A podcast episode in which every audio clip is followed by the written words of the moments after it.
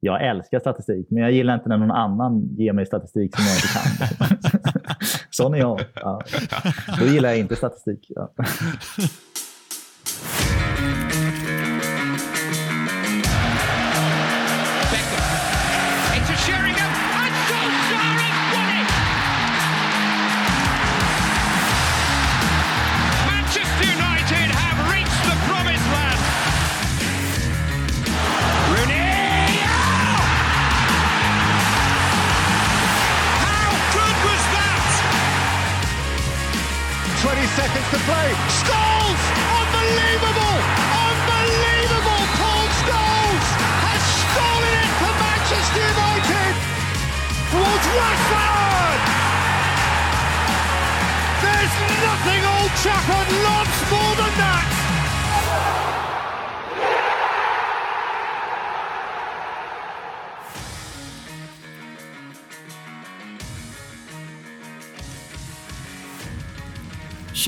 Er varmt välkomna till ännu ett avsnitt av United-podden. Podcasten som du inte visste att du längtade efter. United-podden görs i ett stolt samarbete med både den officiella supporterklubben MUS och United-redaktionen på Svenska fans. Mitt namn är Adam och i en annan del av Göteborg har jag med mig Mr 100% Mackan. Hur mås det? Det mås bra. Det mås bra. Det är en eh, onsdag i januari, men jag är förvånansvärt pigg av någon anledning. Så, ja, det är gött. Har du resonerat kring vad det kan bero på eller? Eh, nej. Kan, kanske är Rashfords eh, avgörande mål på stopptid som sitter i. Jag vet inte, ruset är kvar i kroppen på något sätt. Liksom.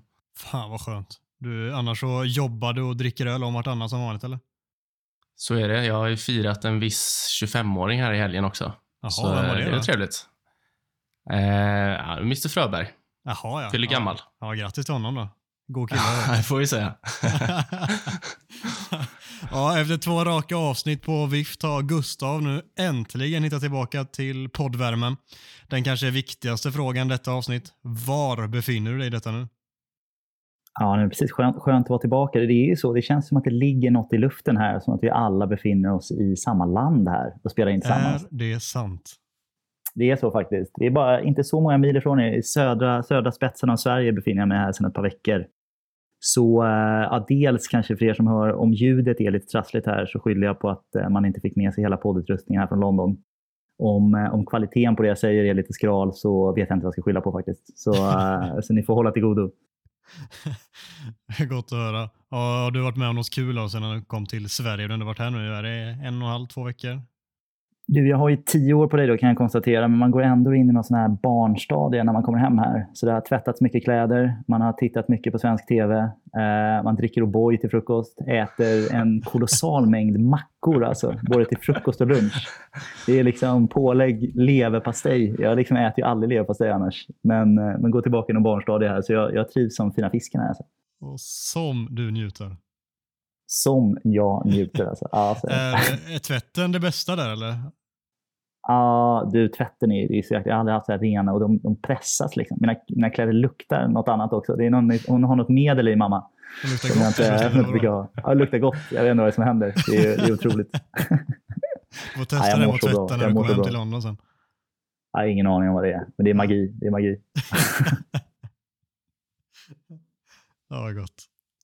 Alltså, men du, berätta lite själv då. Fira 25-årsdag. Vad, vad är det man önskar sig för United-souvenirer när man fyller 25 år? Vimplar, eh, halsdukar, eh, ryggsäckar. Vad, vad får man för någonting? Man Ja, men planscher framförallt eller? Tapetsera hela lägenheten där med nya United-planscher nu efter eh, alla presenter. Ja, är det Phil Jones överallt eller? Ja, mest Phil Jones är det faktiskt. Eh, jag har väl Ja. lyckats eh, smyga in en och annan typ. Ja, men vem ska vi slänga upp? Cameron Borthwick Jackson har ju såklart eh, hittat in på ett par planscher. Ja, Han är sitter det någon. Jonathan Spector-affisch uppe där? Ja, jag förväntade mig att jag skulle få en av dig, men det har ju inte trillat in än. Nej, jag är på väg med posten. Jag tänkte skylla på att jag var i England, men det kan jag inte. Så det borde jag ha kommit snabbare. Vi skylla på svenska. Är det Postnord? Kan man fortfarande skylla på dem i Sverige? Jag hänger inte med i referenserna. Ja, det, det kör vi på. Ja, visst.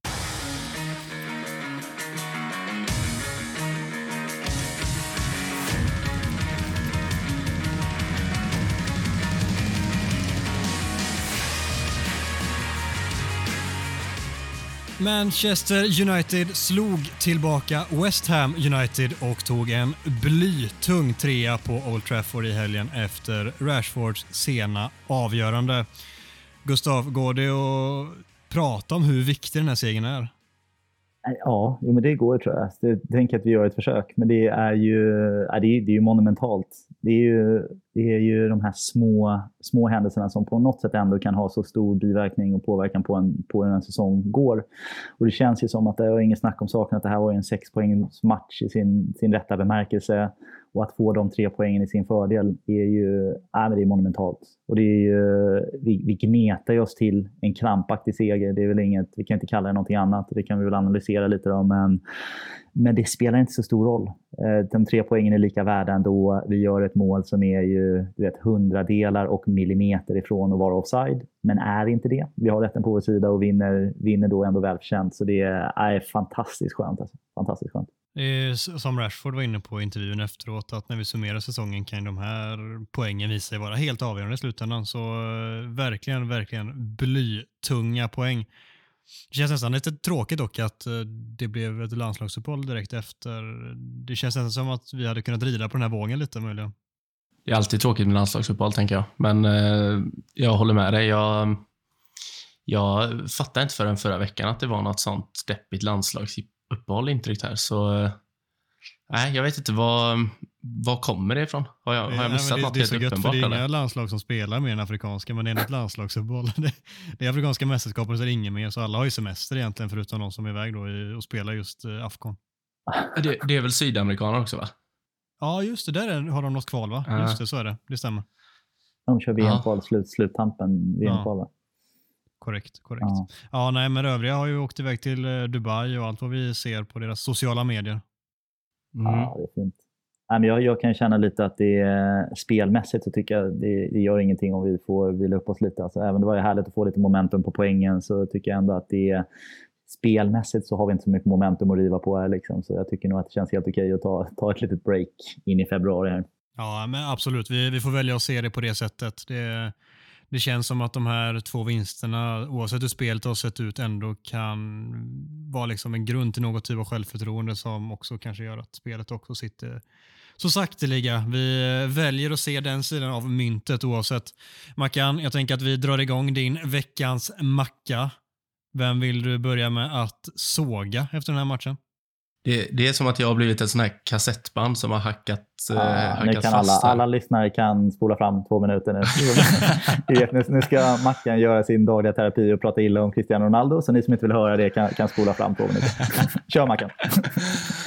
Ja, det är det. Men eh, jag vet inte. Jag, jag, jag, har sagt så mycket om honom det senaste. Jag, jag, jag, tycker att vi låter hans prestationer tala för sig själv. Och om någon inte tycker att han var sämst så välkomnar jag den till att övertyga mig om annat. Vad säger Gustav? Tycker du att han var sämst i, i United den här matchen?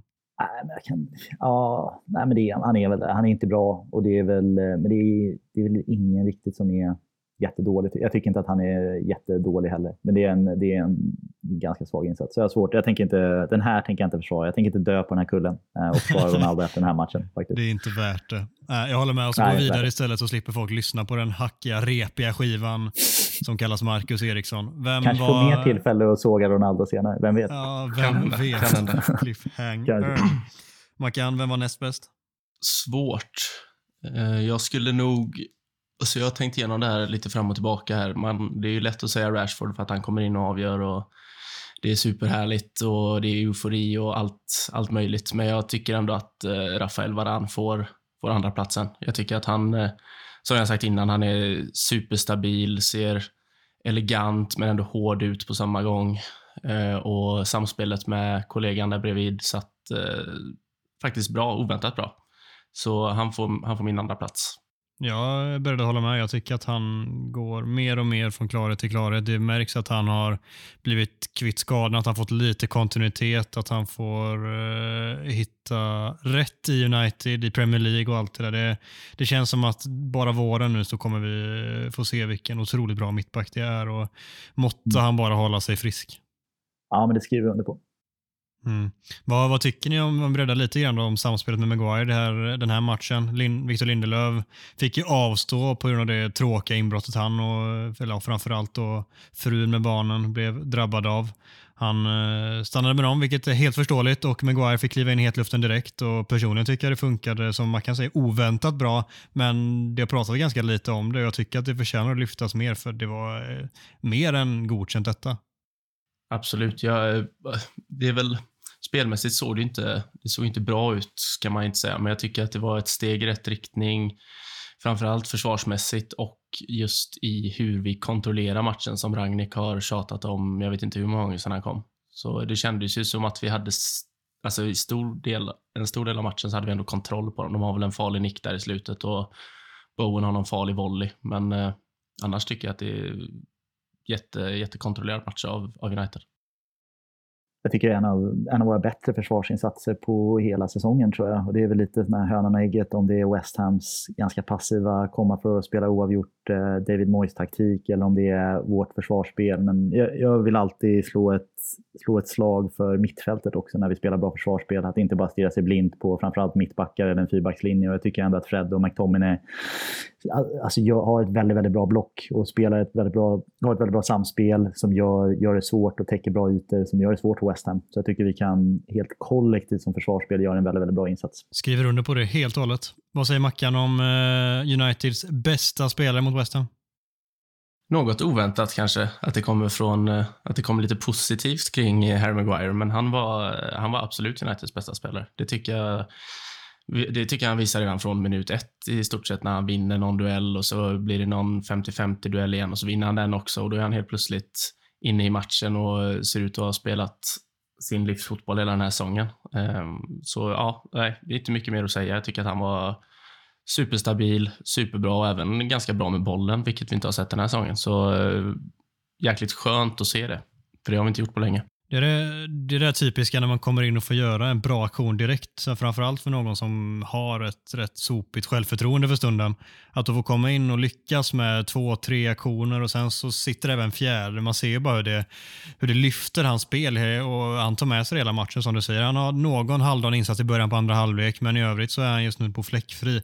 Och mm, Det är den här Maguire vi måste se om han ska ha någonting att göra i den här klubben framöver. Och Han har binden på armen dessutom. Vi, vi måste se detta vecka ut och vecka in. Och Det här var en bra start på det. Hoppas att han kan bygga vidare på det. Osäker på om han kommer göra det det, nej, men jag, tycker det, det, jag tycker det är vanskligt liksom, om en, en slagkapten mittback har så skralt självförtroende att det, att det krävs så lite eller krävs så för att både att han ska komma i form men även för att han ska knäckas. Då, liksom. man, man vill inte ha en lagkapten och en mittback som behöver tre bra aktioner för att göra en bra, bra match och känna sig trygg i att spela för United, tycker jag. Så det, det är lite oroväckande, men det är, man får verkligen hoppas att det här är startskottet på att han hittar tillbaka till ja, men en ganska fin form som han ändå har haft sedan han kom till United ursprungligen, tycker jag. Så det, det finns, ju, finns ju potential att bli en riktigt bra Phil Jones där i Harry Maguire, så jag hoppas att det kommer ut. ja, men det med, det med passningsspel som du nämnde Mackan tycker jag också är intressant, för jag tycker tidigare under säsongen så har det blivit mycket, mycket kladdande på bollen och den här gången så istället för att stå och leta och leta och flytta boll själv så om man inte såg ett passinitiativ direkt så satte han direkt tillbaka till varann eller direkt ut på, på Telles eh, på vänsterbackspositionen. Så eh, den biten, det kanske också berodde på självförtroendet eller så var det att han blivit tillsagd att gör du inte detta så spelar du aldrig någonsin igen. Men oavsett så den biten var ju betydligt bättre än tidigare. Det, det, känns på något sätt som, som Gustav är inne på, att det känns eh, alltså, sjukt att sitta att konstatera att han behöver en tackling för att komma igång. Liksom. Det ska ju inte behövas. Det är, mm. och det, det är samma med passningsspelet. Jag tror han satte någon fin cross första tio minuterna och sen, sen var han lugn. Liksom. Det, hur ska det få vara så på Premier League-nivå? Liksom? Men eh, ja, det är kul att, han, kul att han gjorde det bra i alla fall. Vi hoppas att han... det bra istället, precis. Han gjorde en bra insats. Ja, han är iväg och spelar golf nu i Dubai också, så nu mår han ju bäst. Nu rider han på den inte hamna i några krogbråk då, om han kan försöka hålla sig ifrån eh, stökerier där borta. Jag såg att han är med Pickford och där känns ju ett krogslagsmål oh. alltid nära. Så, eh, ah. Det är extremt nära till hans va? Ja, det känns som det. Om han bara Men... kunde slå ner Pickford, alltså, då är allt förlåtet. ja. Det är ett krogslagsmål som jag ställer mig bakom. Alla dagar i veckan. Ja, vi uppmuntrar inte våld här, men i det fallet så... Fast ändå lite, känner jag. I det fallet gör vi ändå det lite. Ja, lite grann. Ja, det är skönt att du och jag sitter där och ja, jag har alltid haft så otroligt svårt för Pickford, så det är skönt att du sitter i samma båt som mig där, Gustav. Ja, jag ogillar honom så mycket. Alltså. Eh, Så sitter jag i din båt kanske. Chaviest of chavs. Ja, det får nog vara så tror jag. Ja, det får vara Hur så. roligt. ja, det kan jag göra med den äran i den båten. Om vi tittar på det taktiska då. Vi började snegla lite på det. Mackan pratade om att vi hade bättre kontroll än vad vi kanske haft på väldigt, väldigt länge och framförallt under Rangnick har vi nog inte sett så pass bra kontroll över 90 minuter som vi hade den här matchen. Vad, vad är det som gör det? Är det mittfältet och backlinjen som synkar så bra som vi var inne på eller ser ni någonting annat? Jag, jag, tror vi får, jag tror vi får konstatera att West Ham var rätt trötta också överlag. Eh, det var mycket, alltså kollar man först, första halvlek så man kan ju inte tro att det var spel om fjärdeplatsen mellan de två lagen. Jag har inte sett så många tekniska misstag på, jag vet inte hur länge. Eh, Sedan United senast West- spelade match menar du? det var extremt i första halvlek. Det var ju liksom Lanzini och Fornal såg ut som Fellaini och eh, Danny dem, typ. Så eh, eh, nej, alltså West Ham, West Ham var ju West Ham var riktigt, eh, riktigt dåliga kanske att ta i, men de var, de var svaga. Jag har inte sett dem så dåliga på eh, över ett år. Sen tycker jag ju att Fred och McTominay gör, eh, gör det bra. De, de känns mer synkade den här matchen än vad de har gjort eh, innan och det det hjälpte ju försvaret som Gustav var inne på tidigare och det, det märks ju jätte, jätteväl när mittfältet och försvaret sitter ihop. Gustav och Micke har pratat väldigt mycket gott om McTominay det senaste. Är du eh, på samma sida som honom där?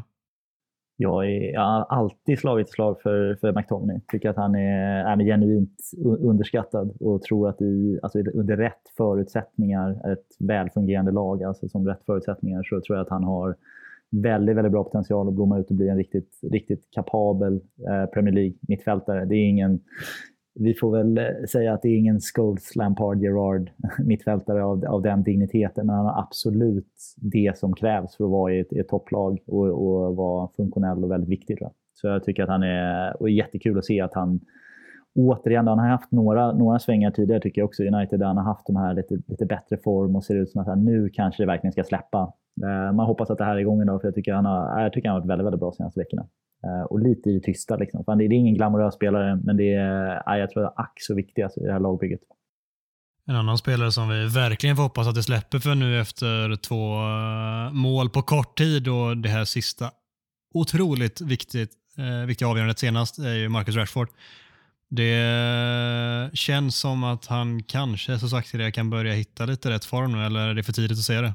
Mål, mål kan ju göra, kan ju göra en jättestor skillnad för, för en offensiv spelare och alltså lite, bara, bara lite flyt har han haft med sig. Liksom. Det, det har han inte haft på hela säsongen innan, så jag tror att absolut att han kan hitta, hitta en höjning i sitt spel, vilket inte är jätte, jättesvårt med tanke på hur dålig han har varit. Men eh, vi får hoppas att han kan varva upp nu. Det, det kommer United behöva.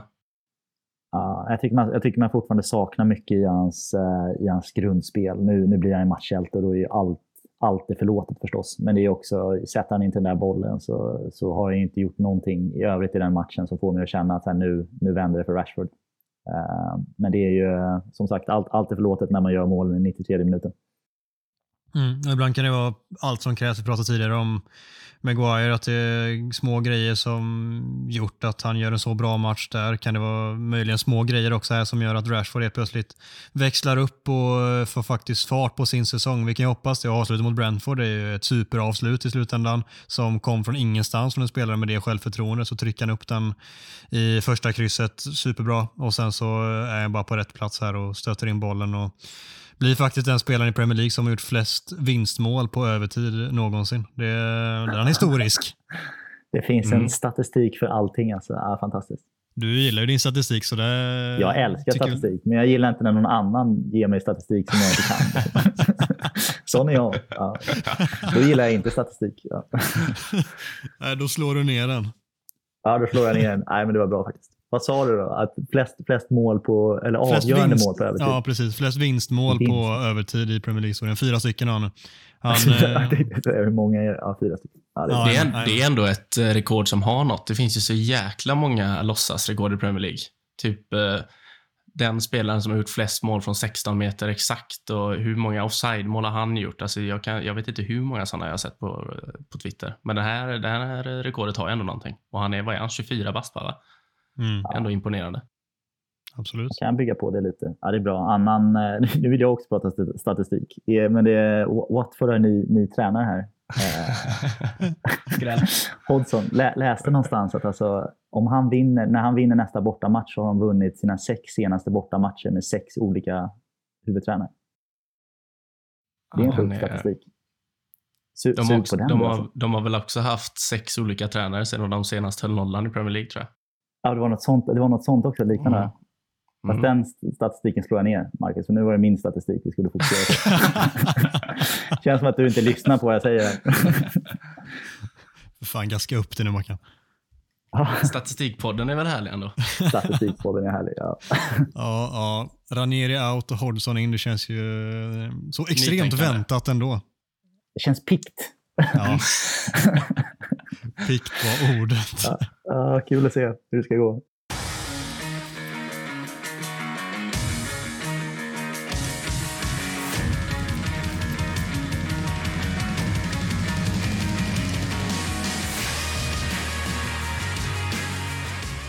Succé-segmentet Talk of the Town är tillbaka med fem påståenden med aktuella ämnen som vi helt enkelt diskuterar huruvida det är sant eller inte. Veckans första lyder. Ingen av spelarna på lån kommer någonsin slå sig in i laget.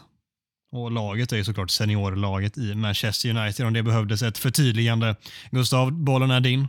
Ja, precis. Här börjar man alltid den spontana känslan är det stämmer nog. Men sen så känner jag då, eftersom att jag är då statistiker, då, att jag gillar, jag vill gå in och titta lite på fakta. Vad har vi verkligen för spelare ute? Så jag, jag, jag tar dem namn för namn här, så ger jag ett snabbt ja eller nej helt enkelt. Då, faktiskt, då ska jag backtracka här min, min insats. Alltså jag, jag tror ändå att någon av de här ska nog kunna trillas in i, i en United-trupp i alla fall och vara en funktionell spelare här. Men vi börjar då med, med Mackans favorit Martial. Eh, vi kanske kommer att prata lite mer om honom. Jag tror inte det. Jag tror att han har spelat sin sista, sista boll i United. Eh, så han är Sevilla och Brandon Williams i Norwich. Eh, jag tror fortfarande kanske att han skulle kunna vara en trupp, truppspelare komma tillbaka i United. Så den känns inte omöjlig. Eh, Toan Sebe nu i Napoli, va? Jag, tror inte, jag vet inte om han har börjat spela än. Eh, Jo. där tror, jag, jag tror, tror inte på det.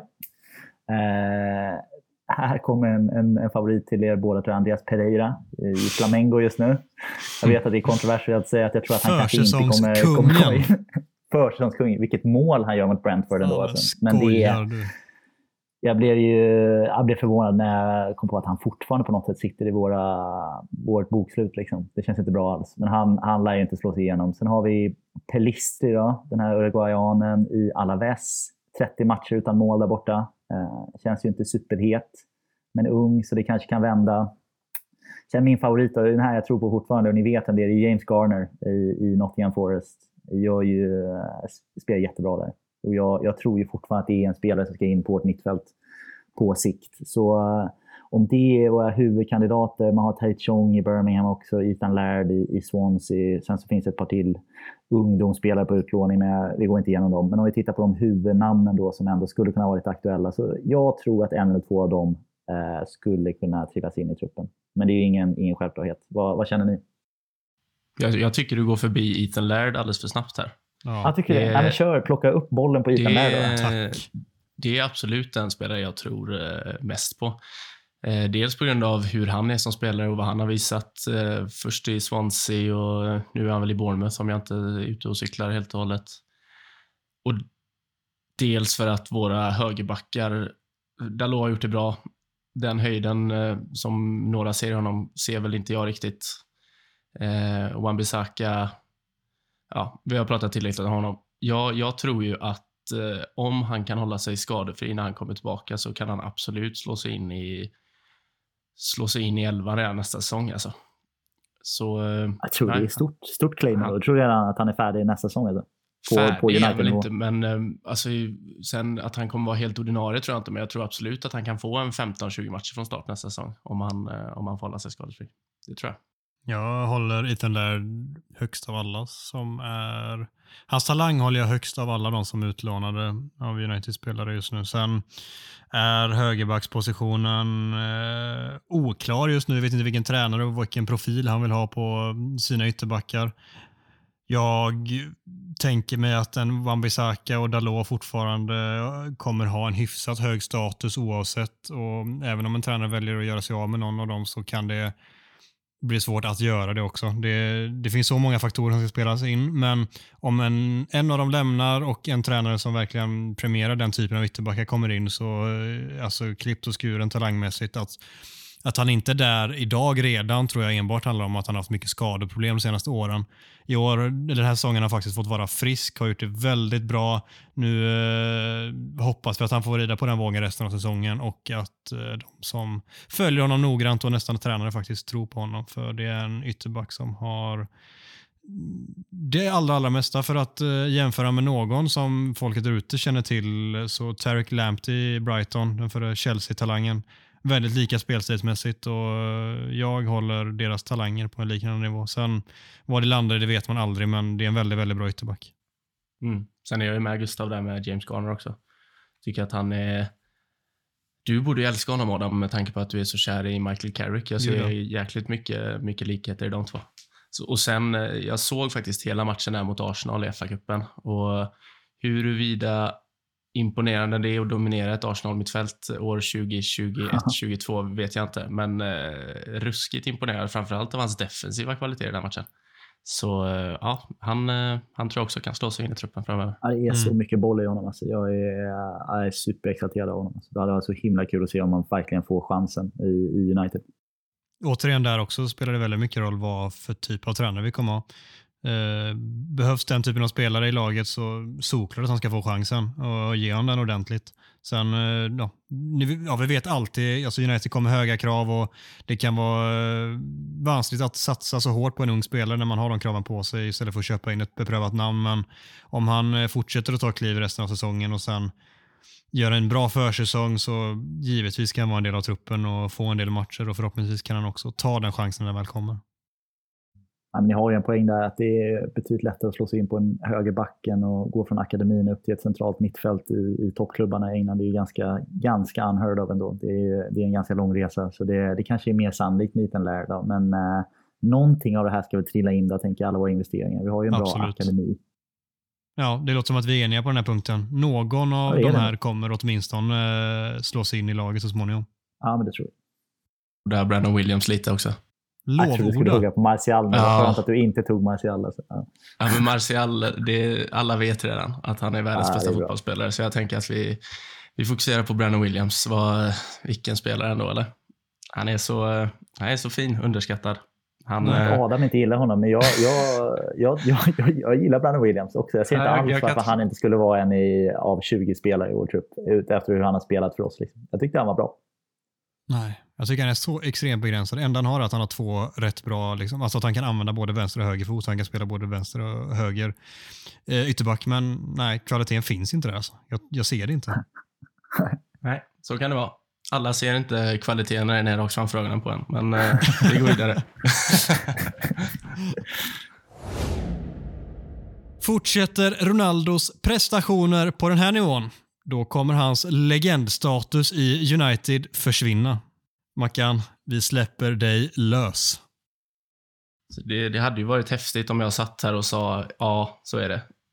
Men jag, jag kan inte göra det. Jag, jag vet att jag har varit jäkligt hård mot honom och att han absolut inte har varit den Cristiano Ronaldo han en gång var den här säsongen. Men eh, det han gjorde under sin första sejour i klubben kommer ju alltid kommas ihåg eh, av varenda Manchester United-supporter i hela världen. Så eh, nej, det, det kommer den inte. Nej, svårt att säga emot. Jag, jag tror att det kan, eftermälet kan påverkas av hur tiden nu blir. Eh, det kan göra att eh, kanske framförallt yngre supportrar inte ser honom på samma sätt, men de flesta vet vad han var för spelare och det kommer alltid finnas kvar. Sen har han gjort väldigt, eh, alltså, om vi bara ser bort ifrån det han gör nu på planen så finns det väldigt mycket vid sidan av planen som går att ifrågasätta som man absolut skulle kunna argumentera för att det påverkar om man faktiskt ska betraktas som en United-legendar. Eh, men om vi håller oss till det sportsliga, om man kan hålla isär det som jag är inte helt säker på att man faktiskt ska kunna göra, men om vi bestämmer att det går att hålla isär det så ja, då kommer han fortsatt vara en legendar även om han skulle göra tio självmål resten av säsongen och noll framåt. Men så, så, här då, när vi är inne på det, när du nämner det, om, om man ska låta det vid sidan av planen påverka, då skulle man ju ha gjort det för ja, när det kom fram. Det är ju många United-fans som har valt att glömma bort det och fokuserat på fotbollsspelaren. Och jag, jag, vet inte, det som, det som förvånar mig mest när, när man läser om Ronaldo och hör United-fans prata om Ronaldo är, har ni inte sett honom spela de senaste tre åren? Vad, vad trodde ni att det var för spelare som kom till klubben? Det är väl mest, det, är ju så här han har sett ut. Ja, så har han varit i Juventus hela tiden. Att folk är så ja. förvånade tycker jag är spännande. Men ja, alla kollar ju såklart inte Serie A och sådär. De kanske ser att han gör mål och är med i toppen av skytteligan liksom, och så ser man inte hur han ser ut i själva spelet. Nej, medioker spelare, fantastisk målskytt skulle jag kalla honom. I dags, dagsläget så är det en förenklad men ganska nära sanningen eh, faktiskt. Eh, den. Mm. Ja, det är nog så 2022. Jag, jag tror att vi har samsyn här allihopa också. Och det, jag tror att vi, ni är inne på det, men jag tror att tid är, är din bästa vän här. Liksom. Jag tror att ju längre tid som går efter hans karriär, när man tittar tillbaka på den, så det man kommer... Ja, vi, vi ska väl inte skriva av Ronaldo än. Det kanske kan, han kanske kan vinna några titlar med oss här. Och, och lite nya posters på väggarna med Ronaldo som lyfter, lyfter bucklan i United-tröja. Jag tycker inte att det är helt omöjligt med vart vi är på väg som lag. Eh, men jag tror att man kommer titta tillbaka på hans första session mer eh, när man sammanfattar hans säsong eller hans, hans karriär. Och då eh, kommer han alltid vara cementerad som en legend för oss tror jag. Jag kallar det lite kanske den här Lex Max, Mats Sundin, lite hockey, hockeyreferensen. Så det är väl ingen riktigt som minns att han spelade i Vancouver Canucks sin sista säsong. Liksom. Det var ju en Toronto, Toronto-spelare, liksom. så det spelar inte så jättestor roll tror jag om man, om man harvar runt lite sista, sista åren och man har gjort eh, fantastiska avtryck innan. Så eh, jag tror inte det kommer vara några problem. Men lite, lite, lite kuriosa. Jag, jag gillar kuriosa. Eh, fem andra spelare som har återvänt till United. Kan ni dem på rak arm? Eller gjort två sessioner i United? Oj. Oj. Tog du mig på sängen? på sängen? här. Ja. ja, jäklar. Fan, några borde ni kunna plocka ganska snabbt här, tänker jag. Så. Tystnaden, det här är så otroligt dålig radio just nu. Alltså. Ja, kan, du fylla ut, en, en, kan du fylla ut när vi tänker? Eller? Just nu. kan du sätta du får, på lite hissmusik? lite Trycker in lite hissmusik vi... i bakgrunden när vi kör det här segmentet. Vi har ju en spelare i truppen redan nu. Som kör sin andra vända. Ska jag? Mm. Ja, kom igen. Ja, är det någon annan som har varit i Juventus eller? Gud, vad, gud vad trötta ni är på det här. Det här flyger inte alls. Det här går rakt i redigeringen känner jag. här försöker man komma med lite, lite nya, nya intryck. Det funkar inte alls. Alltså. Ja, men Paul Pogba kommer ni ihåg kanske. Han, han kör sin andra vända i United just nu. Det, det just känner jag. Det fanns någon annan mittfältare där som, som uh, pensionerade sig och sen kom tillbaka. Scholes. Scholes kom tillbaka. Eh, titta, nu, nu kör vi av bara, bara farten här. Sen är de andra lite gamla, så de förlåter jag er för. Uh, Mark Hughes. Uh, mm. Öste i mål, kom upp för akademi, gick till Barcelona, kom tillbaka, vann titlar. Två målvakter, de förlåter jag verkligen för. En australiensare. Gick via akademin. Mark Bosnich kom tillbaka sen som, som ersättare till, till Peter Schmeichel. Eh, och en lite smalare Lee, Lee Sealy som eh, gjorde inte så många matcher, men han var ju faktiskt med högst delaktig i Fergusons första titel när vi vann FA-cupen. Eh, då han var, spelade i returen, första målvakt på Wembley eh, mot Crystal Palace. Titta, det här är, känner, ni ser ut som två jävla frågetecken just nu. Han sålde inte många tröjor han. Lee Sealy, det är ingen som plockar den. Det kanske finns någon där ute i poddvärlden som uppskattar att vi lyfter upp Lee Sealy lite här. Eh, kolla det. Otrolig, Uppskattar otrolig jag definitivt, men herregud vad jag aldrig... Ni kan, kan inte Lee Sealy. Det här är stort. Det här är Fergusons första titel. Alltså. Man spelar 3-3. Det är på den här tiden när det är omspel i FA-cupen. Så första finalen spelas 3-3 mot Crystal Palace. Jim Layton har varit målvakt länge. Skotten, liksom, stor legend. Duktig målvakt och riktig, riktig formsvacka. Gör riktigt dålig insats och så har de då Lee Sealy inlånad. Så han stor kontrovers att han får starta i returen. Håller nollan och United vinner FA-cupen. Fergusons första titel. 91. Och sen kom han tillbaka som, eh, som permanent och det blev inte så bra för DC. Det var ju Schmeichel som tog eh, handskarna sen istället. Där fick ni dagens lilla, lilla fakta. Ja. fakta Ja, men mysigt med lite spontan. United-historia sådär. Det gillar vi. Pochettino är fortfarande Uniteds bästa tränaralternativ till sommaren. Men kör den du då, tänker jag. Du får börja nu Adam. Ja, det kan jag göra. Svar ja. Det är han. Yeah. Vi tänkte att vi skulle bredda den här punkten lite grann till att prata om de namnen som främst ryktas just nu. Och Då är det ju Mauricio Pochettino, Erik Ten Hag, det är Julian Lopetegi och det är Luis Enrique. Och Det är de fyra vi förhåller oss till och eh, det känns väl inte helt osannolikt att det faktiskt kommer bli någon av de fyra i slutändan. Kanske, kanske finns det någon där ute som säger att Graham Potter möjligen, möjligen är ett alternativ. Men vi håller oss till de här fyra. Det är de som flera tidningar har lyft upp den senaste tiden. Och främst ska det handla om att eh, United, eh, jag menar, de ser detta som bra tränare, men också så att de passar spelstilsmässigt, även om de skiljer sig lite åt. Men att de har en eh, fotboll som de ser skulle tilltala eh, fansen. Men också att det är tränare som har någon form av erfarenhet från storklubbar. Det ska tydligen vara viktigt också för eh, det nya, i det nya tränarvalet. Om vi ska återgå då till varför jag tycker att Pochettino är nummer ett så vill jag först och främst säga att jag håller honom och Erik Ten Hag nästan lika, lika högt. Men jag väljer att eh, låta Pochettino edga det då eh, jag personligen bara håller honom som en jättebra tränare men också kärat ner mig också honom som, som person. Liksom. Så eh, jag har följt honom hela tiden egentligen, både i Southampton, i Tottenham och sen han lämnade. Och jag vet, alltså bortom Sir Alex Ferguson så finns det nog ingen tränare jag har sett fler intervjuer med. Jag har sett så otroligt mycket Mauricio Pochettino och det påverkar såklart mig att eh, det känslomässiga styr lite grann där, att jag så gärna vill ha Pochettino. Men jag tycker att han är en otroligt fin människa. Jag tror att det är en som får med sig en hel spelartrupp på ett imponerande vis som alla är beredda att dö för, som vi såg när de tog sig till Champions League-finalen med det laget. Det var eh, spelare som krigade för varandra och för sin tränare och för laget. Jag är svag för tränare som kan få ut det av spelartrupper. Och eh, ja, det finns de som skulle lyfta, men ser du inte vad han gör i PSG nu? Jo, jag ser det. Det är inte jättebra.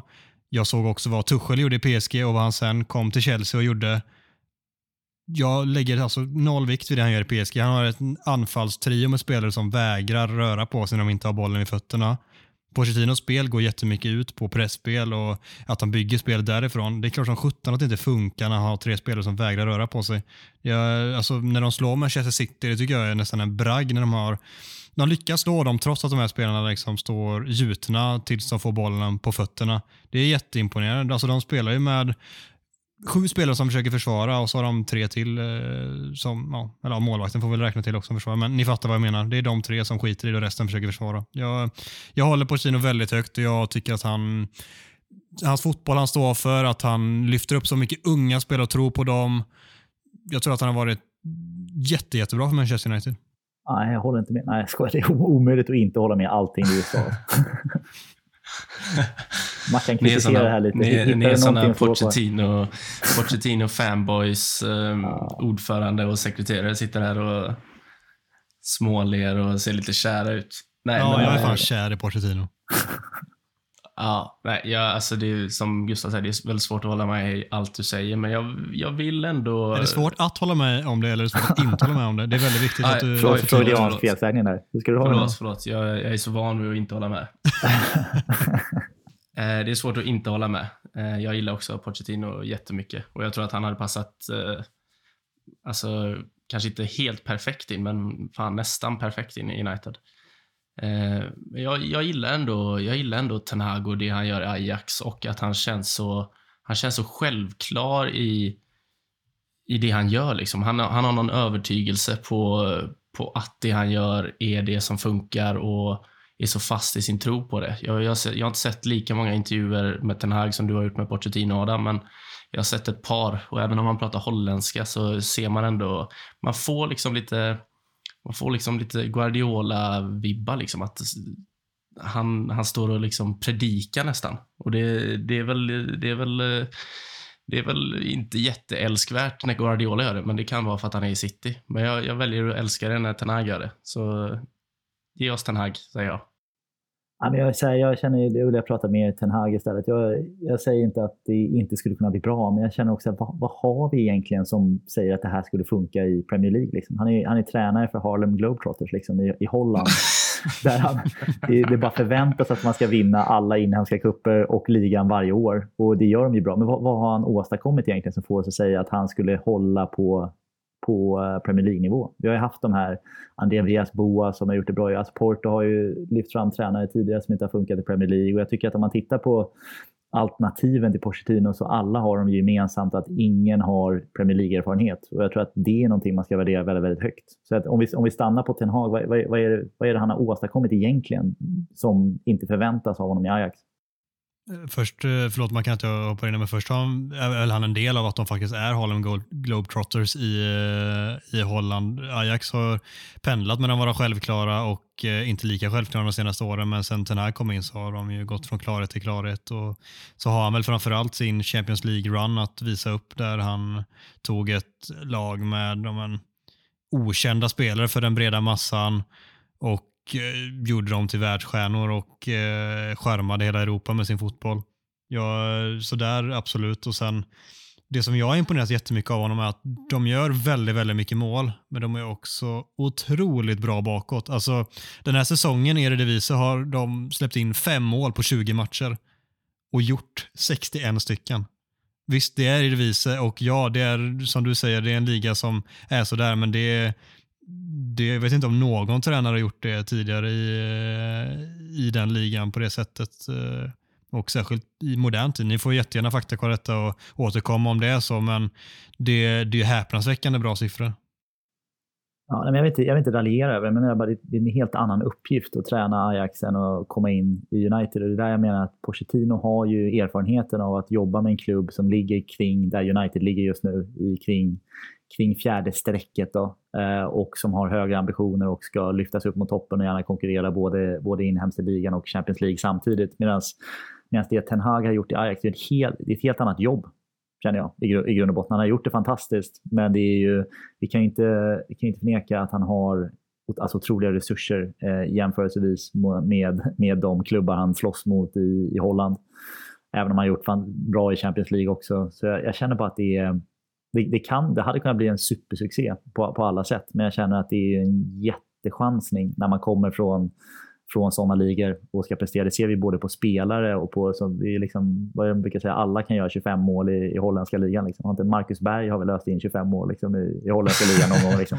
Gudetti gjorde liksom 21 eller 22 mål på en säsong. Ja, men det, det säger lite på riktigt. Liksom. Så jag tänker att det är, det är många är de som har gjort väldigt, väldigt bra i holländska ligan, antingen som spelare eller som tränare och sen kommit till större ligor och visat sig att det inte funkar riktigt lika bra. Så det hade kunnat funka jättebra, men jag känner absolut inte att vi har, alltså jämförelsevis med Pochettino och CV, så det går inte att jämföra, liksom, tycker jag. Att de eh, vinner sin Champions League-grupp nu, alla matcher, alla är leder skytteligan och eh, alltså, smattrar in mål. Det, det är väl ändå någonting som talar för att det finns, alltså det är en tränare som har gjort rätt mycket med det här i Ajax.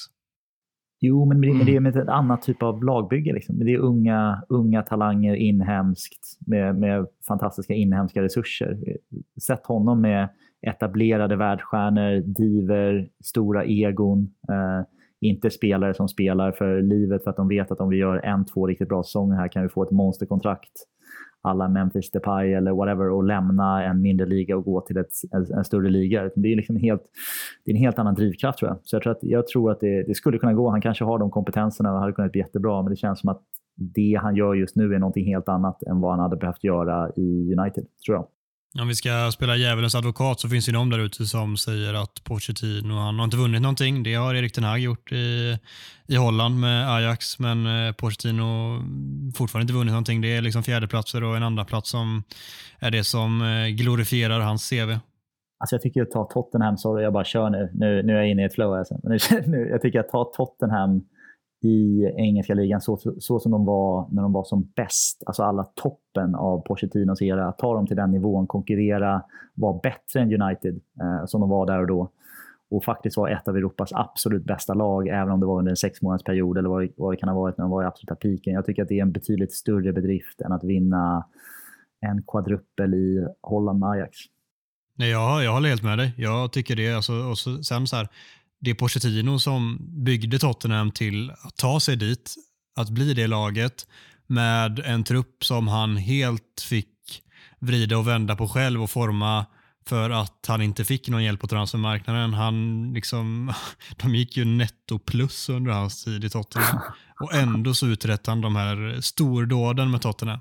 Så då kan man börja fundera på vad han hade uträttat om han faktiskt fick, fick den tiden men också även fick polera med ett par väldigt eh, bra spelare också att köpa in.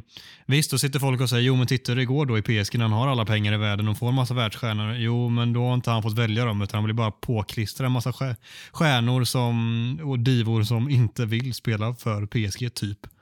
Nej. På tal om, på tal om PSGs lagbyggare, har ni sett, har ni sett den bilden när de möter City på, eh, på Etihad?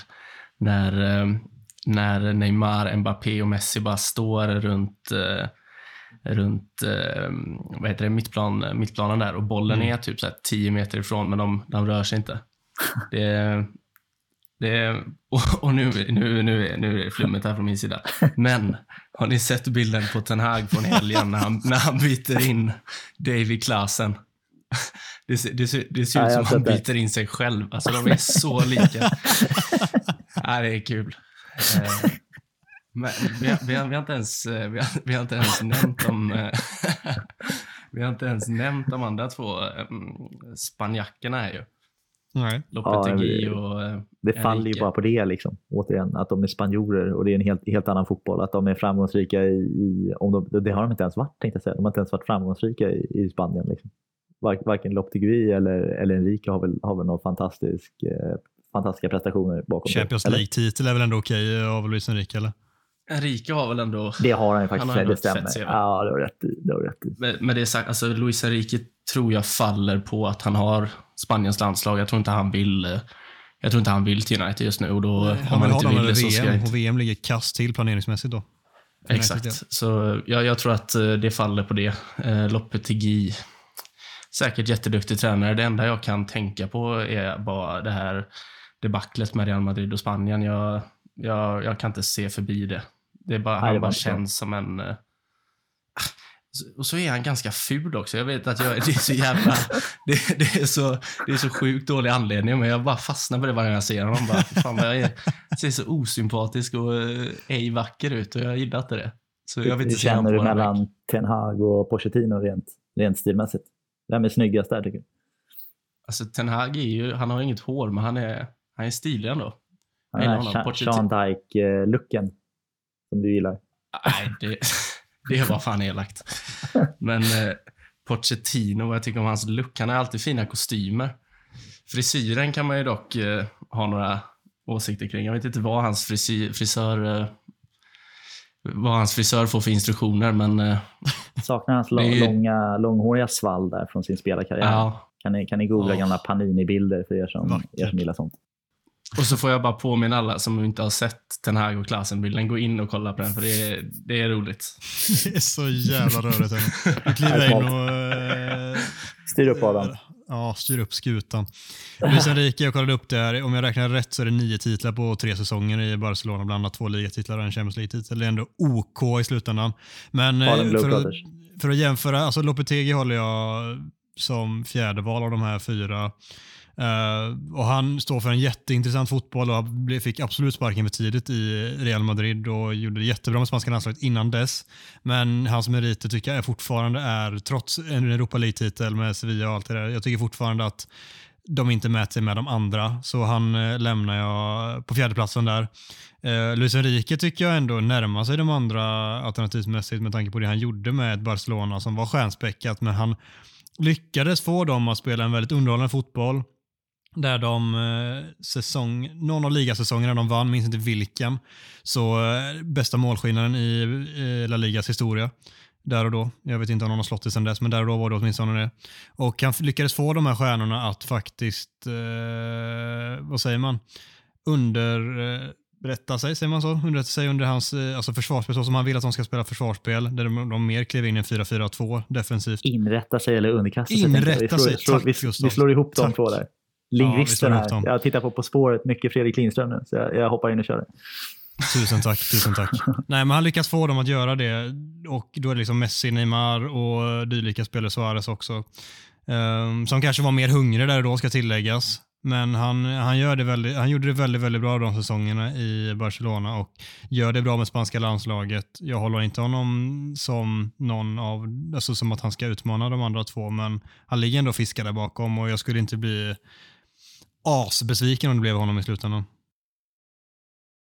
Nej, jag, jag, jag, får, jag får pula, pula på meriterna, det har, ju, har ju självklart helt rätt i. Men för mig fortfarande väger tungt att ha Premier League-erfarenhet om jag ska välja tränare. Och det vet jag att du, du gillar ju Pochettino också. Men eh, du har ju rätt, meriterna finns ju där, det har du helt rätt i.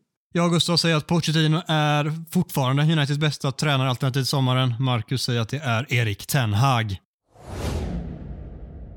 Om van de Beek, Martial och Lingard alla tre lämnar då måste United värva en spelare i januarifönstret.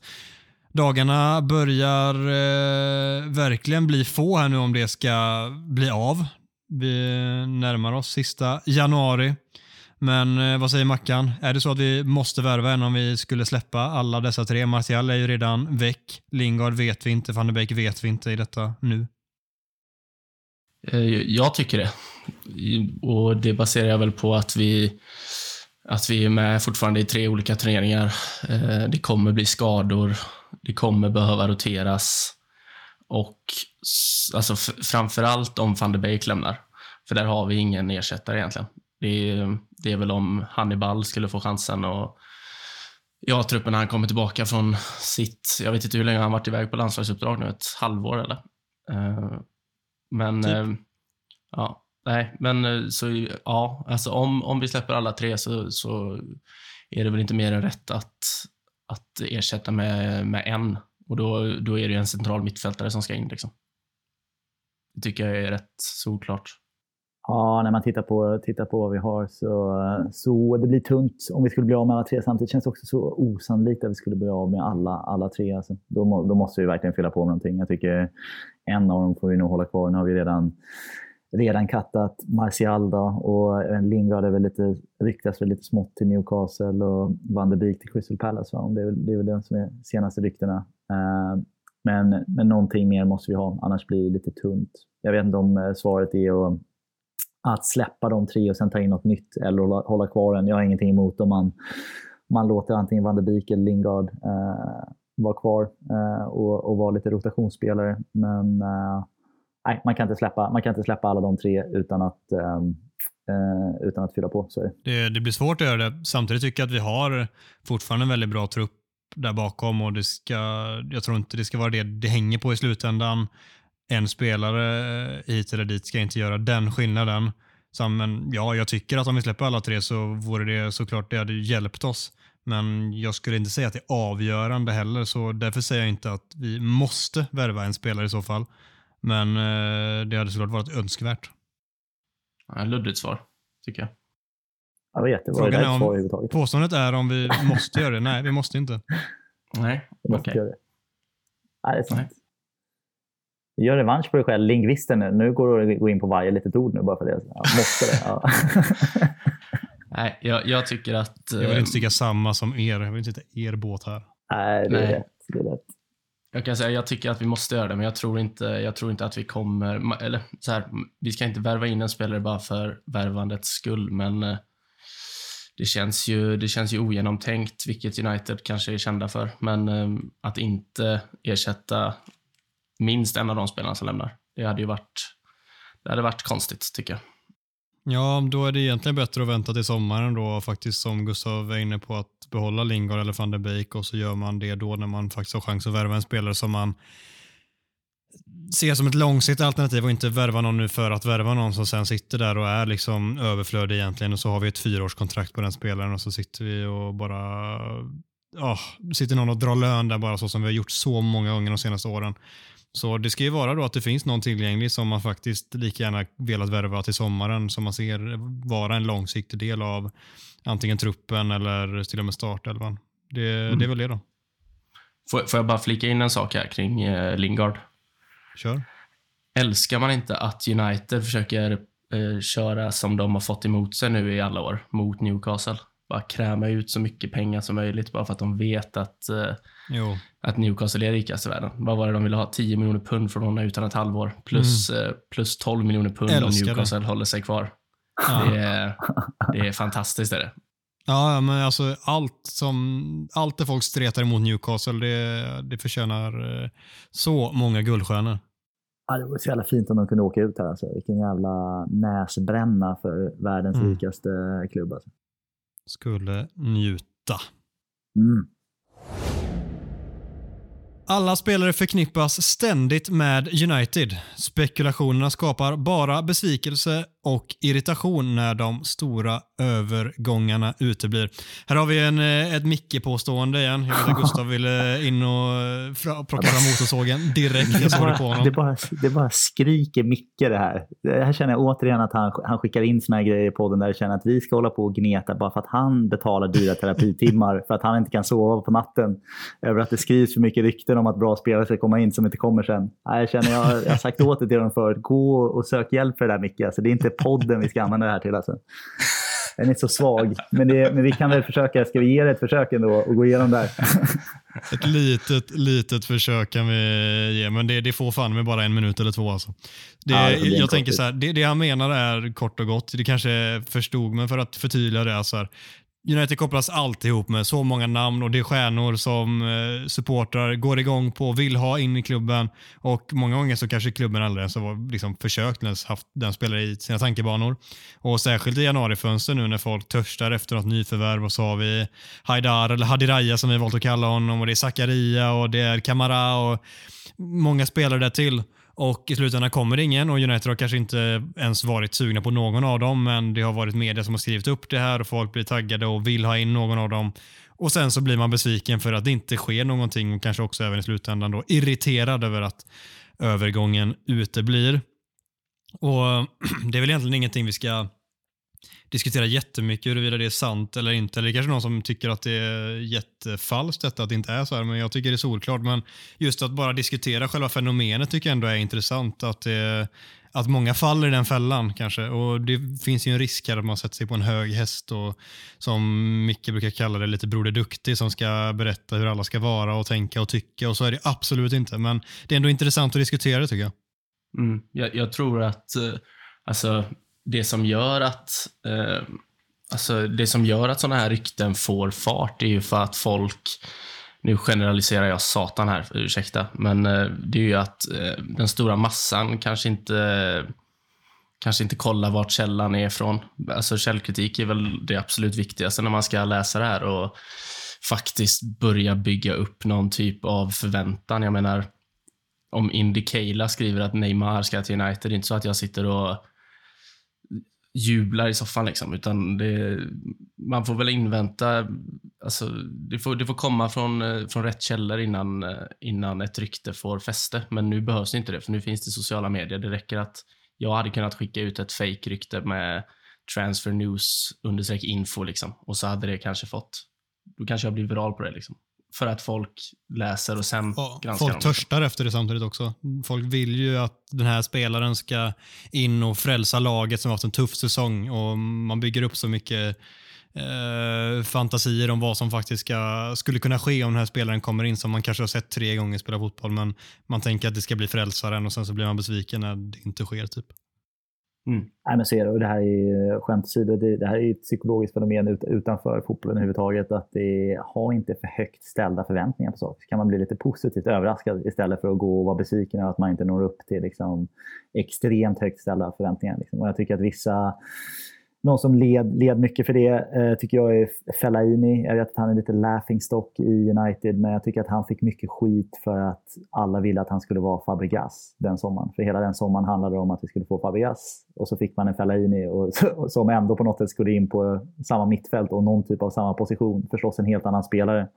Men det är ju helt orimligt och det är klart att man blir besviken. Han kommer ju aldrig göra någon nöjd när man kommer in under de förutsättningarna. Det enda man har snackat om är att Fabregas ska komma till United hela sommaren. Så det, det tror jag är rimligt. Jag har en gammal, eh, ett gammalt tidningsklipp från Roberto Carlos klar för Manchester United. Det är anrika Dagens Nyheter eller någonting som har skrivit det på eh, till 99 och så får vi Mikael Silvestri istället. Det är deppigt, känner jag. Han var ju ganska bra sen i och för sig, men där och då kändes det jättedeppigt. Liksom. Så det gäller att, ha, gäller att ha rimligt ställda förhoppningar i livet tror jag. Kort och gott, sänk förhoppningarna, titta på mer trovärdiga källor och använd er jättegärna, och flera stycken också, kanske inte räcker med en, utan när två och tre hakar på de här lite mer ansedda tidningarna, då kan man börja börja tro på det lite, lite mer successivt och sen så får man se vad det tar vägen därifrån. Men håll, eh, håll förväntningarna lågt ställda så blir ni inte besvikna i slutändan. Ja, en parentes där också kan vara att det här är ju ett lyxproblem så du bara skriker om det. Vi kan fråga Ledley Kings knä hur, hur, mycket de önskar att det vore lite mer spännande rykten om spelare som kommer in till Tottenham. Ni vet att det är inte så jävla roligt att vara Tottenham-fan. Det, det är ingen som läser de ryktena så det att skriva om dem. Liksom, Nej, kommer inga stora namn. Så, eh, så det här är ett lyxproblem. Men ett angenämt sånt tycker jag. Fick vi en känga till dem. Fan vad skönt. Ja, men det är fint.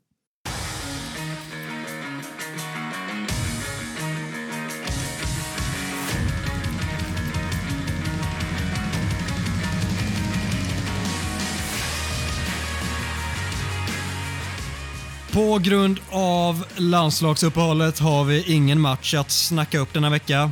Ska ni bara lämna oss lyssnare nu, tänker ni? Självklart inte. Istället ska vi diskutera den sämsta United-elvan post Sir Alex Ferguson. Jag har fått äran att köra målvakt och backar. Hur sugna är ni på att dra igång? Det här är jag supersugen på. Ja. Kör på bara. Då börjar vi med målvakten som sig bör. Och vi har inte jättemånga alternativ här. Och det ska sägas att framöver så har vi valt kriterierna att man ändå ska ha spelat några matcher, kanske inte en eller två eller tre eller sådär. Men i det här fallet så är vi nere på den nivån. Men det kanske också handlar om statusen på målvakten ändå när han kom och att eh, det inte är så många som har spelat som första målvakt eller har spelat så särskilt många matcher i Manchester United sedan Sir Alex lämnade. Om ni inte har listat ut det ännu så är det Victor Valdes som tar första spaden i denna elva. Vad säger ni gubbar? Nej, går, går inte att inte hålla med. Tycker att det är, det är helt rätt på tal om högt, ja. högt ställda förväntningar, något, man tänkte att han skulle fylla någon typ av funktion i Han, han köptes in för att ersätta en de Gea som inte såldes på grund av att faxmaskinen inte kom fram i tid. Eller faxet inte kom fram, eller var det så? Ja, men visst, eh, om jag... nu ska vi tänka här hur det var. Visst var det inte så, var det inte det säsongen efter, men att han hade ett utgående kontrakt och det var diskussioner på om de Gea skulle lämna eller inte och Valdes togs in typ gratis för att hans kontrakt gick ut och därför såg man honom som att han då skulle typ ersätta. Eller så var det som du säger att det var den som... Eller var, den, liksom eller var det innan... efter. Det var, det var en med utgångspunkten att Gea skulle lämna i alla fall och det gjorde han inte. Ja, men äh, exakt. Och det verkligen så. Men han gjorde ett par matcher. Jag tyckte han också såg inte så jäkla bra ut, de få matcher han gjorde. Nej, det, det bästa han gjorde för United var ju när han bjöd oss på ett mål när han spelade för Middlesbrough. Ja. Så var det. Ja, mm. Ja, ja det, det var en stark insats ändå. Nej, men han, han är gjuten där med tanke på alternativen och så går vi bara vidare. En som jag kan tänka mig att eh, en eller ett par ute som tittar på italiensk fotboll börjar tänka va? Är han med där? Som kommer in på högerbackspositionen, det är Matteo Darmian. Och om vi tittar på United-karriären så blev ju inte det någonsin i närheten av det som vi trodde på förhand och som kanske de första matcherna där när, jag minns när han gjorde sin första match i United-tröjan hemma mot Tottenham som vinner med 1-0 efter ett självmål av Tottenham. Då såg han väldigt intressant ut men det blev inte så mycket mer än det i slutändan. Han, han gjorde något mål och ja, blev typ inte så mycket mer än så. Har ni några, jag gissar att ni inte så, så mycket att säga emot så, men har ni några bubblare i övrigt? Vilka, har vi några högerbackar i post Fergie-eran som utmanade armén, som ändå spelat någorlunda många matcher. Alltså båda våra nuvarande hade väl kunnat åka på den här listan om det inte vore för att eh, hela laget är ganska mediokert just nu. Ja, jag kan tänka mig att vissa hade lyft upp Wan-Bissaka som till och med en sämre ytterback än Darmian. En viss Jalkemo tänker du på? Han ja, är... en av dem. Ja, han hade inte hatat att ha Wan-Bissaka där. Nej, han hade valt Wan-Bissaka. Ja, nej, jag, Nej, Dar, jag, Darmian, jag, jag, jag håller med. Dels på grund av att han har fruktansvärt fula polisonger också. Det, det gör han bara ännu sämre. Liksom. De älskar ju det. Det är det mest älskade med honom. Polisongerna är otroliga. Är det verkligen älskvärt? Ja, för de är så jävla dåliga att de blir bra. Nej, de blir inte bra. De... Eh, jag vet inte, han... Nej, släpp det. Köp en rak hyvel och raka bort dem bara. Usch. Och nu har han sådär långt hår också. Riktigt fin. Ja, ja. Paddy McNair är i alla fall första mittbacken och eh, man kan fundera på, han spelat tillräckligt många matcher. Det var någonting, fick faktakolla här innan och 27 matcher gjorde han ändå i United-tröjan så han kvalificerar sig in som mittback här, gjorde några rätt okej matcher, till och med riktigt bra där han plockade ner Lukaku i sin ficka, kommer jag ihåg, mot Everton något år, men det var inte så mycket mer än det. Och sen bredvid honom har vi brödrost Marcos Rojo. Given. Lagkapten kanske i det här laget. Eller? Mannen med mest pondus i den backlinjen skulle jag Ja. ändå säga. Ja, Eller du har vänsterbacken kvar i och för sig. Ja, för mycket pondus. Ja, du vet ju inte vem som är vänsterback, men det Nej. osar ju inte pondus om Alex Byttner direkt. Ja. Nej. Världens bästa vänsterback, eller största vänsterbacktalang, eller vad var det Ferguson ändå eh, kallade honom när vi värvade honom på sin sista säsong? Det var, jag det var hoppas inte han har sagt i alla fall. Jag Det var hoppas inte han. Det hoppas inte jag heller. Nej. Nej, men alltså det finns ju så mycket att prata om här, om just Marcos Rojo framförallt. Jag, det, jag älskar den jäveln trots att han är så jävla dålig fotboll. Men det är tvåfotstacklingarna, alltså de eviga försöken till långskottsmål, när han fick en banan som han skulle springa in med. Och, åh, det finns så otroligt mycket att ta av här. Det är superspelare som inte alls var bra fotboll i Manchester Uniteds kontext i alla fall. Nej, men Nej. hög högsta nivå ändå. Det är ju det är tråkigt. Det är inte bra att ha mittbackar som har en väldigt hög högsta nivå och sen en väldigt, väldigt, väldigt låg lägsta nivå och snittet blir jättelågt. Men det är, alltså hans högsta nivå var kanon. Alltså.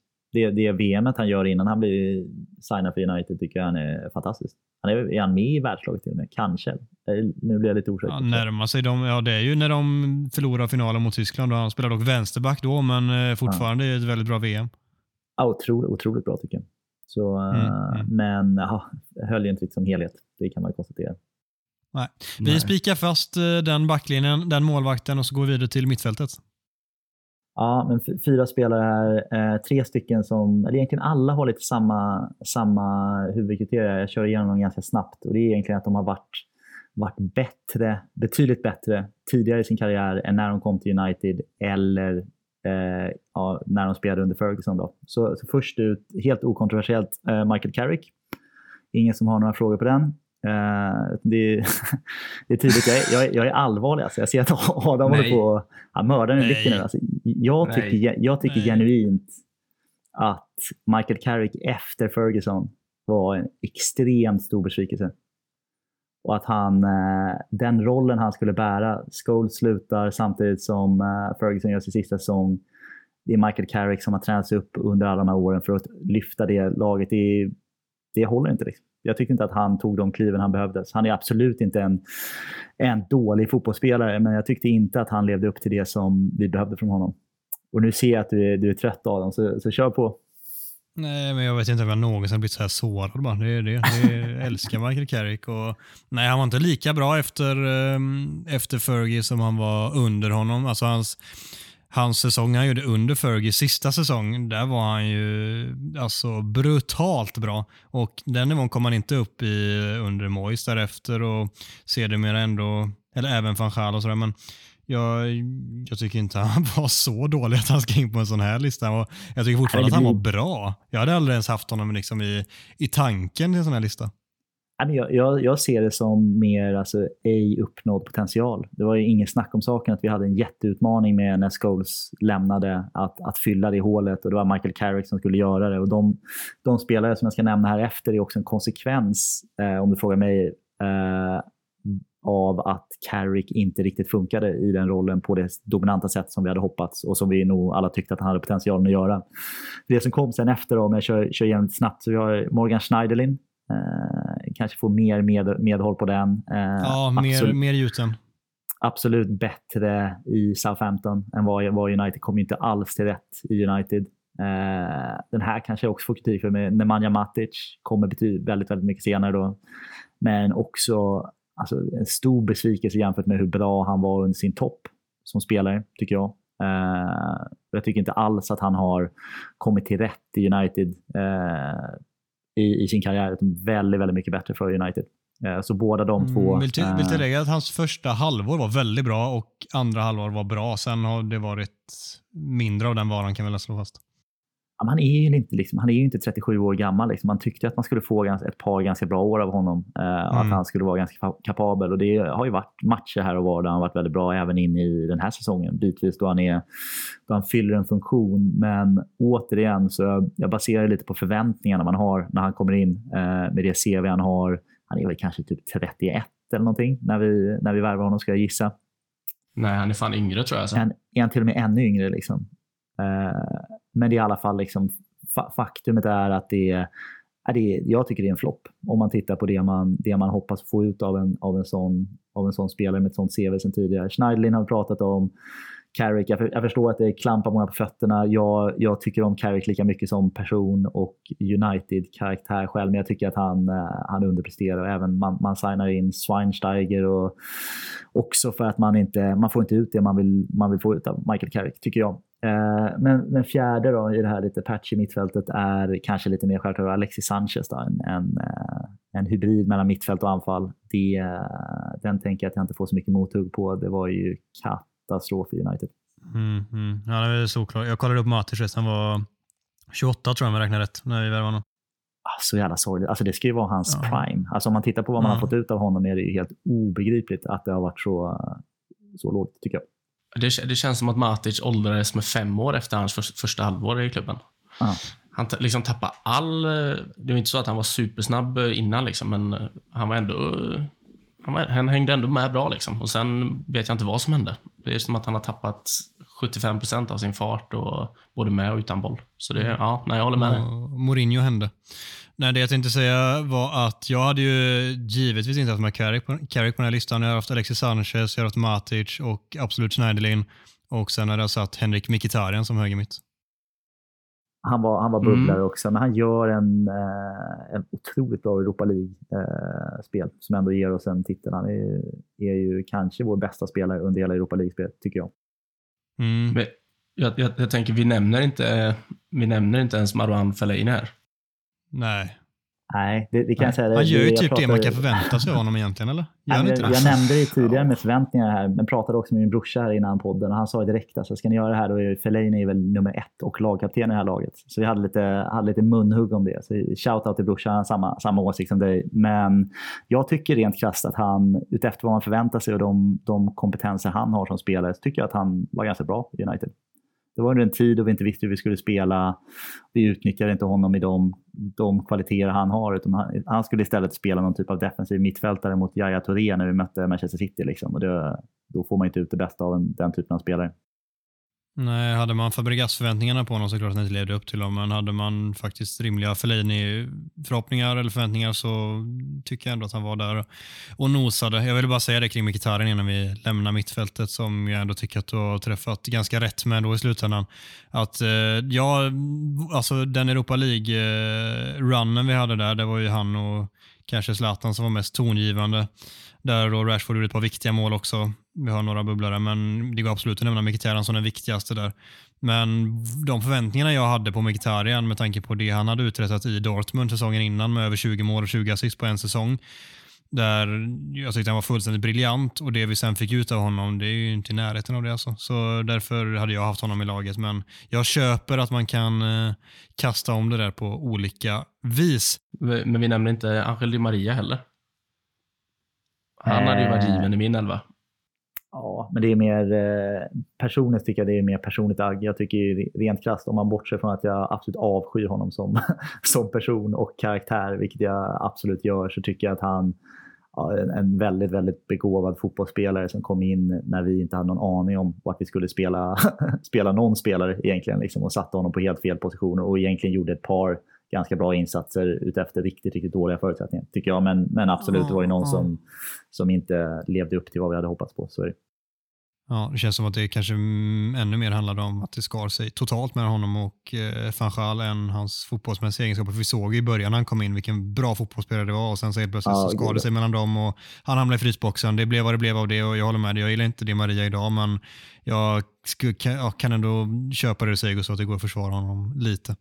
Oavsett Mackan, jag är så otroligt spänd på att höra dina anfallare. Mm. Det här, eh, den första anfallaren tar faktiskt emot och har med här, men det får ändå bli Radamel Falcao. Kom, alltså kom inte upp i någon, eh, alltså inte ens i närheten av sin högsta nivå och delvis berodde det på att han har varit skadad jättelänge innan. Eh, men eh, nej, jag, jag vet inte, vad betalar vi typ 80 miljoner för att låna in honom under en säsong och jag kan inte komma ihåg en riktigt bra insats han gjorde. Han gjorde något mål mot Everton som var fint, men utöver det var han ju rent ut sagt ganska dålig. Liksom. Så Ja, eh, han, eh, ja, han var given. Nu, nu sitter ni här och väntar på den andra killen. Med, Mm. Kör. jag kan säga, kommer- det här kommer nog, eh, det kan, kanske kommer för, förvåna en del, men eh, nästan lika given som, som Falcao är Romelu, Romelu Lukaku för mig. Jag tycker att eh, ett av de Alltså det, det är taskigt att säga ett av de värsta felköpen United har gjort, men jag, jag förstod aldrig den värvningen riktigt. Jag, jag ser inte det stora i honom som, som spelare för ett Premier League-lag. Jag tycker att han eh, är en väldigt begränsad fotbollsspelare som eh, försvinner i alla stormatcher han någonsin har spelat i och eh, ja, han, han, är, han är inte tillräckligt bra för att kosta så mycket som vi betalar för honom. Så jag håller ju fortfarande beslutet att sälja honom som det bästa United har tagit sen Ferguson fick sparken. Oj, ja den är... jag, tror, jag, blir, jag blir överraskad ändå. Jag var helt, helt övertygad om att du skulle såga en av våra nya, nuvarande anfallare istället, men du håller dig borta från det. Det är ändå stort faktiskt. Jag håller fortfarande Ronaldo. Ronaldo idag håller jag som en bättre spelare än eh, Lukaku. Ja, jag blir tagen på sängen här. Jag tänkte att jag skulle försvara Ronaldo så måste jag försvara Lukaku nu faktiskt. jag tar den på sängen, men jag tycker att det är... Jag, för, jag förstår ju hur du resonerar, absolut att man... Eh, han kommer, lever inte upp till sin potential och man får inte ut det man har hoppats för och framförallt inte värdet för investerad krona där. Men eh, alltså jag, jag gillar Lukaku lite grann. Jag tror att det är också en, en funktion av att alltså kommer in när vi inte riktigt har en, en plan för hur vi ska använda honom. Liksom. Han, är inte en, han används som en stor targetspelare bitvis, Uh, vilket inte alls passar honom. Alltså, Lukaku är, ju- jag tycker att han är lite missförstådd. Han är ju en kontringsspelare. Det är det, det är det som är hans kvalitet, vilket man inte tror om man tittar på hans storlek. Men han är ju en ganska smart spelare med en otroligt dålig första touch. Men också något typ av målsinne. Så jag, jag är beredd att försvara Lukaku här. Hade nog satt, om man tittar kvalitetsmässigt, även om det här är en person man, man kanske gillar, gillar mera som karaktär, skulle jag säga att Igalo liksom, som inte var... Ja, han, han gjorde ju ett par mål och väldigt älskvärd som United-supporter, men eh, är ju en, han är inte en bättre anfallare än Lukaku. Det tycker jag inte. Men det tycker du? Nej, det, det, det är han väl inte egentligen, men jag, med tanke på vad han kostade och vad folk förväntade sig när Lukaku värvades så, så har han ändå plats i mitt lag. Och jag Ja. vet att jag kanske är jäkligt ensam i den här båten, men jag, jag kan inte förstå att han har kostat typ 3 miljarder kronor i sin spelarkarriär. För mig är det helt, det är helt oförståeligt. Folk är chockade nu att han har svårt i Chelsea. Jag har aldrig varit med om något mer väntat. Liksom. Men eh, ja, man tycker olika. Nej, det är sjukt. Och jag, får, jag får backa dig där. Du har ju samma princip som jag har haft. Jag säger inte att Michael Carrick är sämre än Andreas Pereira, utan man får ju lite vad, vad man har för förväntningar på spelarna. Så jag, jag är beredd att backa dig på den då. Ja, men absolut sett till förväntningar så köper jag Lukaku helt. Jag var en av de som försvarade honom mest under en stor period fram tills Mm. hans eh, sista tid i klubben där han bara spårade ut totalt och eh, betedde sig ganska oprofessionellt när han bland annat läckte liksom massa sprinttest för att bevisa att han faktiskt är snabb och att det blir så ovärdigt i slutändan. Så där tappade han mig helt. Innan dess så försvarade jag honom en, ja, men, ganska ordentligt. Men i slutändan så ja, jag köper det, det du säger man kan helt och hållet. Vi investerade jättemycket i honom och vi fick inte ut i närheten av det som vi borde få. Då, eh, ja, då är han en flopp och det är helt rimligt att han placerar sig som anfallare i en sån här elva.